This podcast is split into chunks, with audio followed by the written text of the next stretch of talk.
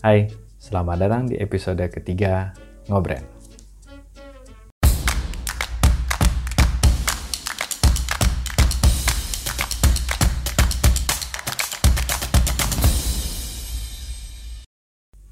betul. Seperti background kita, bikin brand, bikin nama brand atau bikin judul brand nggak boleh ngasal ya, nggak boleh judul-judulan.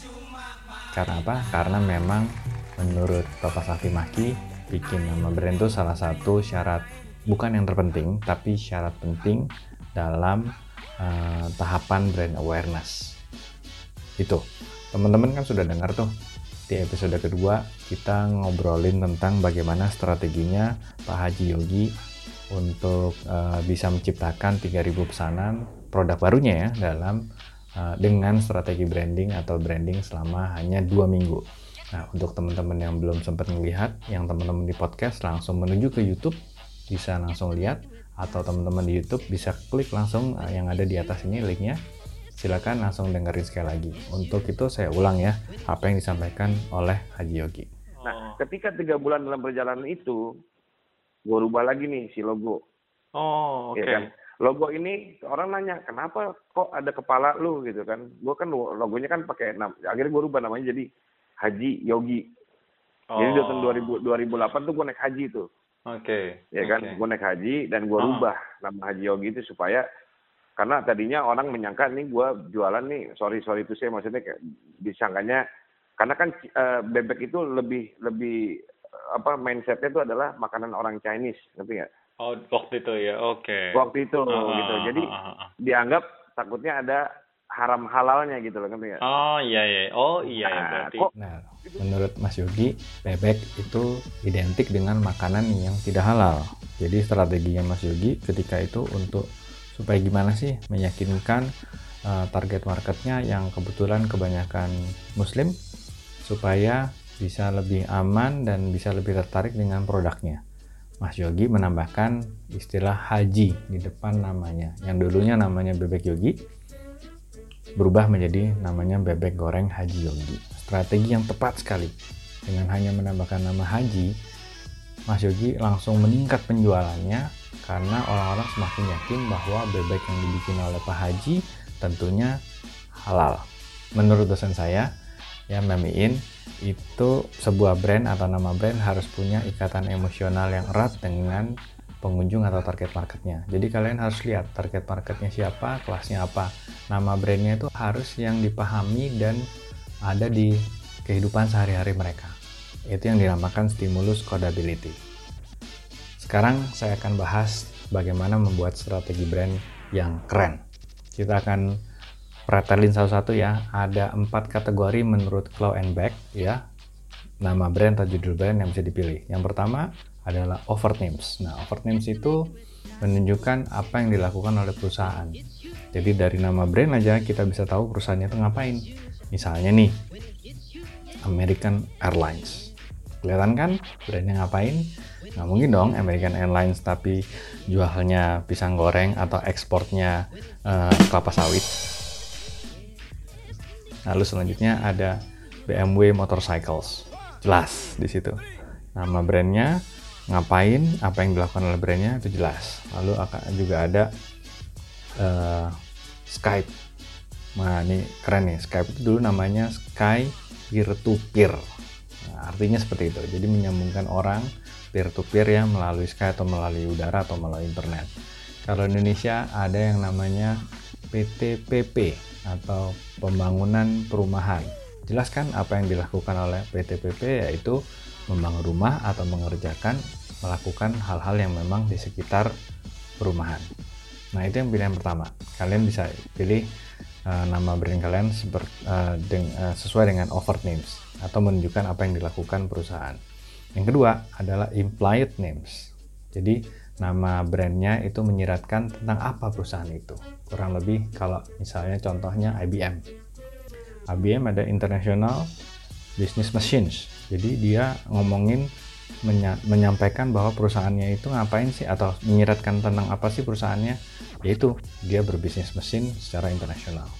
Ada FedEx, Federal Express, mengirim ya, mengirim barang-barang secara cepat ada dan ada sorry Antam aneka tambang lalu ada Telkom startup startup nih kita bahas ya yang pakai implied names atau menyiratkan tentang apa perusahaan itu yang pertama Tani Hub dia menghubungkan atau hubbing petani-petani antar petani dan pembelinya. Lalu ada juga startup Bukalapak. Keren kan? Dengan namanya aja bisa cerita ngapain dan uh, perusahaannya itu apa. Yaitu kita bisa buka lapak di perusahaan itu atau di di di platformnya buka lapak gitu ya. Lalu ada lagi ruang guru. Nah ini juga menarik karena kurang lebih dari namanya aja kita bisa lihat guru-guru berkumpul di situ dan memberikan materi secara online kepada murid-muridnya secara online. Lalu ada juga produknya ah sorry brandnya Mas Mas Hendy namanya ikan yuk nah kurang lebih kan tahu kan? Dari namanya aja itu sudah implied banget bahwa makanan yang disuguhkan di dalam ikan yuk adalah makanan-makanan yang berbahan dasar ikan. Oke? okay? Yang ketiga adalah conceptual names nah ini menunjukkan arti dari esensi merek misalnya misalnya nih Google Nah, secara inti mereka menyampaikan Google bahwa menyampaikan kepada masyarakat atau target marketnya masuk ke Google dan kalian bisa googling, bisa nyari apa aja. Lalu ada Krispy Kreme, ada Dunkin Donut, lalu ada VW, VW itu Volkswagen. Secara artinya mem, artinya ternyata people's car. Nah keren kan? Secara nggak langsung dia mau bercerita bahwa VW itu adalah mobilnya orang-orang, mobil yang bisa digunakan oleh banyak orang. Keren banget VW. Lalu ada Lego, I put together. Kalau startup ya, yang pakai conceptual names itu ada Gojek. Walaupun sekarang bukan ojek online aja, banyak. Cuma waktu dulu, menurut analisa saya, itu Gojek. Lalu ada Warteg Bahagia, ada Halodoc. Nah, kurang lebih tahu kan perusahaannya ngapain Halodoc? Masuk ke dalam Halodoc, bisa ketemu dokter dan lainnya. Lalu ada Garuda Indonesia, ada Indomie. Nah, saya belum melakukan assessment artinya adalah Indofood Me atau Indonesian Me kurang lebih kalau di luar negeri orang lihat ada produk Indomie dia yakin dan tahu bahwa itu produk dari Indonesia yang terakhir adalah iconoclastic atau iconic itu bisa menggunakan istilah yang memorable yang keren dan unik tapi jangan lupa yang dipahami oleh target market ya. Seperti Apple. Orang-orang keren pasti tahu Apple itu wah ikonik banget kan gitu. McDonald's, Amarta, OVO, ayam bakar Mas Mono, bebek goreng Haji Yogi, kebab Turki Baba Raffi, ayam geprek Bensu dan masih banyak lagi ya. Yang terakhir itu nggak boleh ngasal ya. Harus yakin dan harus pastikan bahwa itu mudah dimengerti oleh target marketnya jadi kalau misalnya anak-anak motor nih atau anak motor besar Indonesia mau bikin bengkel, pastikan nama bengkelnya yang mudah dimengerti atau familiar didengar sama kaum otomotif. Juga gitu ibu-ibu mau bikin hijab atau mau bikin produk kecantikan yang sangat dan mudah dikenal oleh ibu-ibu istilahnya apa? Pakai itu. Jadi jangan sampai mau bikin permen buat anak TK gitu ya. Anak TK kan harus nama permennya atau nama brand permennya itu yang dimengerti sama mereka anak-anak TK jangan nanti nama untuk uh, permen anak TK namanya permen gamet, permen kuproy. Jangan dong, nanti dinding tadi dinding lagi. Dan selanjutnya jangan sampai namanya itu unik tapi kebingungan ketika ditanya. Ditanya balik oleh target market. Misalnya nih ya, namanya es pocong. Makan es ditungguin, wah pocongnya nggak ada nih, ya kan? Lalu ada rawon setan, makan rawon ditungguin, setannya nggak ada, nggak muncul-muncul, ya kan? Ada juga sate taichan, ya setelah makan sate. Nah yang nggak datang nggak tahu apanya. Saya nggak mau bahas di sini. Oke teman-teman ya. Saya mau sapa semua orang yang sudah komen dan sudah uh, ngobrol di YouTube ataupun di IG ada Bu Ana dari Green Garden Cafe ada Panji Yusuf ada Panji Yudi ada Yusuf ada Habib Kamal ada Boy Prabowo ada Dwi dan lain-lainnya.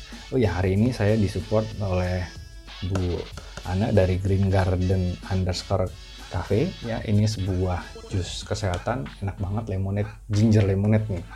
Keren banget nih seger enak sehat ya karena uh, Green Garden underscore cafe itu khusus buat makanan dan minuman healthy yang sehat-sehat. Kalau misalnya penasaran dan mau pesan silahkan langsung ke instagramnya at Green Garden underscore cafe atau telepon di 0821 sorry diulang. 082 144 80 1999 sekali lagi ya 08 2144 80 ya. Oke teman-teman sekian aja untuk episode kali ini. Jangan lupa subscribe jangan lupa like untuk yang di YouTube dan jangan lupa follow untuk yang Instagram. Oh ya karena episode kedua saya yang kemarin episode kedua yang ngobrol itu sudah di view oleh 100 orang ya dalam waktu satu hari tayang. Saya saya sangat bersyukur dan berterima kasih alhamdulillah banget. Maka dari itu sekarang saya akan membagikan hadiah untuk teman-teman. Hadiah ini adalah persembahan dari kimas.id ya silahkan lihat di IG tulisannya kemaz.id ya follow jangan lupa. Itu uh, hadiahnya akan diberikan kepada teman-teman yang sekarang setelah melihat ngobrol episode ketiga ini mencoba membuat brand atau merubah nama brandnya. Silahkan tulis ya di komennya YouTube-nya ngobrol atau di caption Instagramnya ngobrol untuk teman-teman yang paling keren namanya dan paling banyak ingat ya paling banyak di like sama teman yang lain ya atau di komen sama teman yang lain selama satu minggu ke depan sampai nanti episode ke 5 kita lihat episode kelima akan saya umumkan siapa pemenangnya akan mendapatkan hadiah dari kimas.id satu paket pembuatan logo brand senilai satu juta rupiah. Luar biasa kan? Ya benar. Pokoknya harus segera tulis sebanyak-banyaknya. Lebih dari satu nggak apa-apa. Alasannya kenapa? Mau tanya juga nggak apa-apa silahkan ya jangan lupa ya teman-teman ya. Untuk yang belum subscribe dan like bisa langsung lihat di sini logo ini. Atau teman-teman yang memang ada di podcast silahkan langsung ke YouTube atau Instagram yang ngobrol ada ada linknya bisa bisa akses itu. Ya sekian aja. Sampai ketemu di episode selanjutnya. Salam sukses serta mulia. Branding itu bisa